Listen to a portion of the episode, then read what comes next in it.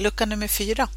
Islandshästpodden är gratis att lyssna på och så vill vi att det ska förbli.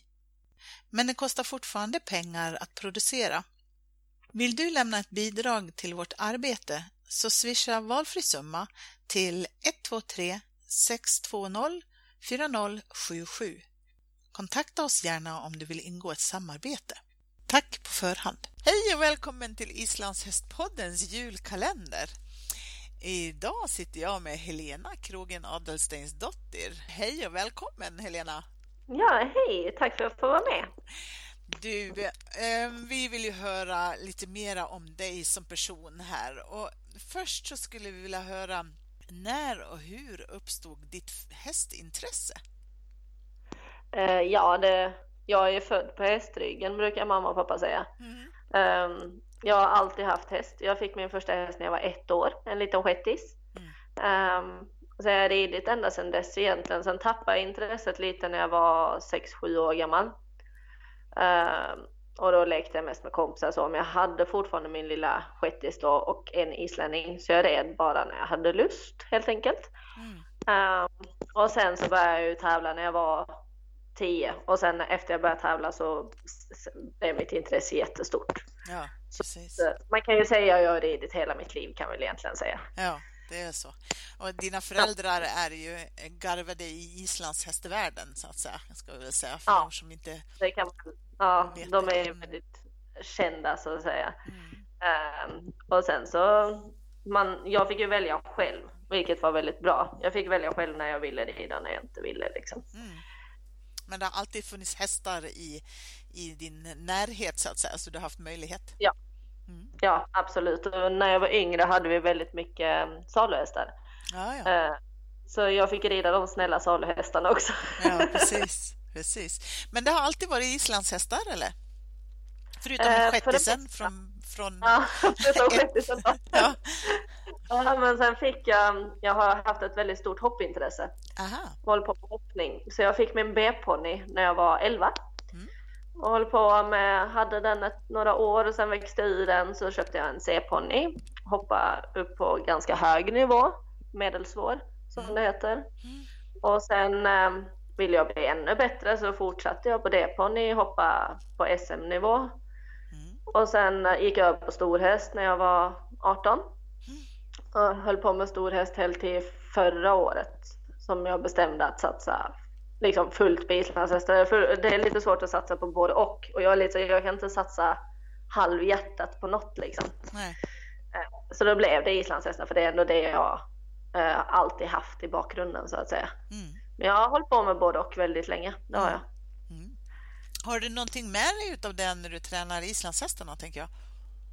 Ja, det har jag. Väldigt mycket. Jag har väldigt mycket av den här klassiska ridningen som jag ändå har lärt mig på, på stor häst. Och det är väldigt skönt för de blandar ju inte gångarterna som en islänning kan göra. Liksom. Nej, precis. Jag har lärt mig verkligen alla grunder på dem. Och sen kan jag ju liksom flytta över dem på islänningarna. Mm. Och uh, jag har fått väldigt mycket ridning av det. Det har jag verkligen fått. Mm. Mm. Du, du jobbar med hästar också? Jajamensan, mm, heltid. Berätta, vad gör du? Eh, jag tar emot hästar i träning för inridning, avelsvisning eller bara vidareutbildning, saluhästar. Mm. Eh, ridlektioner, kurser och sen jobbar jag även på en ridskola som heter Spelmansgården mm. som är i Båstad på måndagar. Mm. Så jag gör lite allt möjligt kan man väl säga. Okej, okay. är det islandshästar där eller? Jajamensan, mm. Bara islandshästar. Mm. Du, och du håller till i i Skåne? Ja, i norra Skåne vid Helsingborg. Mm. Mm. Du trivs med ditt jobb förstår jag? Eh, ja, det gör jag verkligen. Jag skulle inte byta det mot något annat. Det är så skönt att vara egen chef, kunna bestämma precis hur man vill ha det. Ingen som bestämmer över en hur länge man ska jobba eller hur lite man ska jobba. Det är mm. väldigt skönt faktiskt. Mm. Mer än hästarna då förstås? Ja, det är de som i så fall klagar på en. ja, precis. Du, har du jobbat med något annat? Um, inte mycket. Jag har jobbat lite timanställd i ett kök som um, bagare och konditor. Då är jag utbildad som det sedan gymnasietiden. Okay. Uh, men det, det är ju inte mycket. Det är, jag har fortfarande kvar det, så det jag jobbar där en gång i månaden typ. Alltså det, jag har kvar det bara som en säkerhet. Lite grann. Om det inte hade varit hästar som hade varit din passion, vad hade du gjort då? Ja, det är en bra fråga. Ehm, det hade nog blivit något som har med träning att göra. Någon personlig tränare eller något liknande. För jag tycker det är väldigt kul att vara aktiv mm. Ehm, och träna väldigt mycket själv.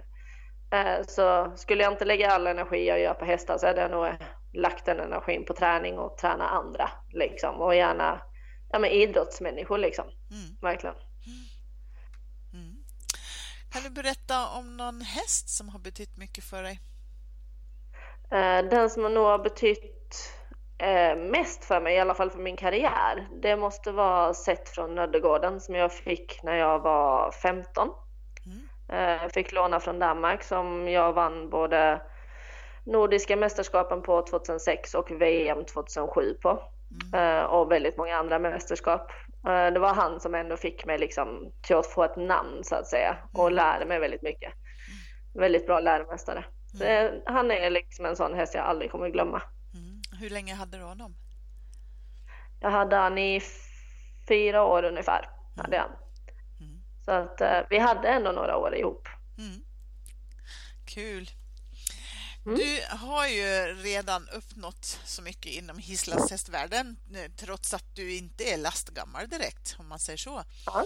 Men eh, vad har du för drömmar kvar nu? Vad är det som driver dig vidare och vad skulle du vilja bidra med i framtiden till islandshästvärlden? Alltså, som vi alla tävlingsryttare har som mål, det är väl ändå att vinna de här VM-gulden och de här största mästerskapen. Det är väl absolut en högsta dröm så att säga. Mm. Um, men sen också tycker jag det är väldigt kul att ta hand om ungdomar som tävlar och ta upp dem till den nivån de vill komma till. Om de vill rida SM eller om det är ett KM. Eller, mm. Men ändå att ungdomarna får liksom sin plats och verkligen får sin tid. Mm. Uh, så att de också har ett brinnande intresse hela tiden så att de inte tappar intresset för att de inte får uppmärksamhet. Uh, för det är inte så många kanske som ha föräldrar som bara kör runt med dem hela tiden utan att man kanske kan köra ut till vissa och hjälpa dem ändå. Liksom. Mm. Så det är väl ändå något som jag tycker är väldigt roligt. Mm. Men det är klart medaljerna gör ju att man kämpar ändå. Ja. Det är det största, största grejen så att säga. Ja. Ja, stort tack för ditt engagemang Helena och vi ser ju fram emot att följa dig vidare. Ja, tack så mycket. God jul och gott nytt år på dig. Tack detsamma.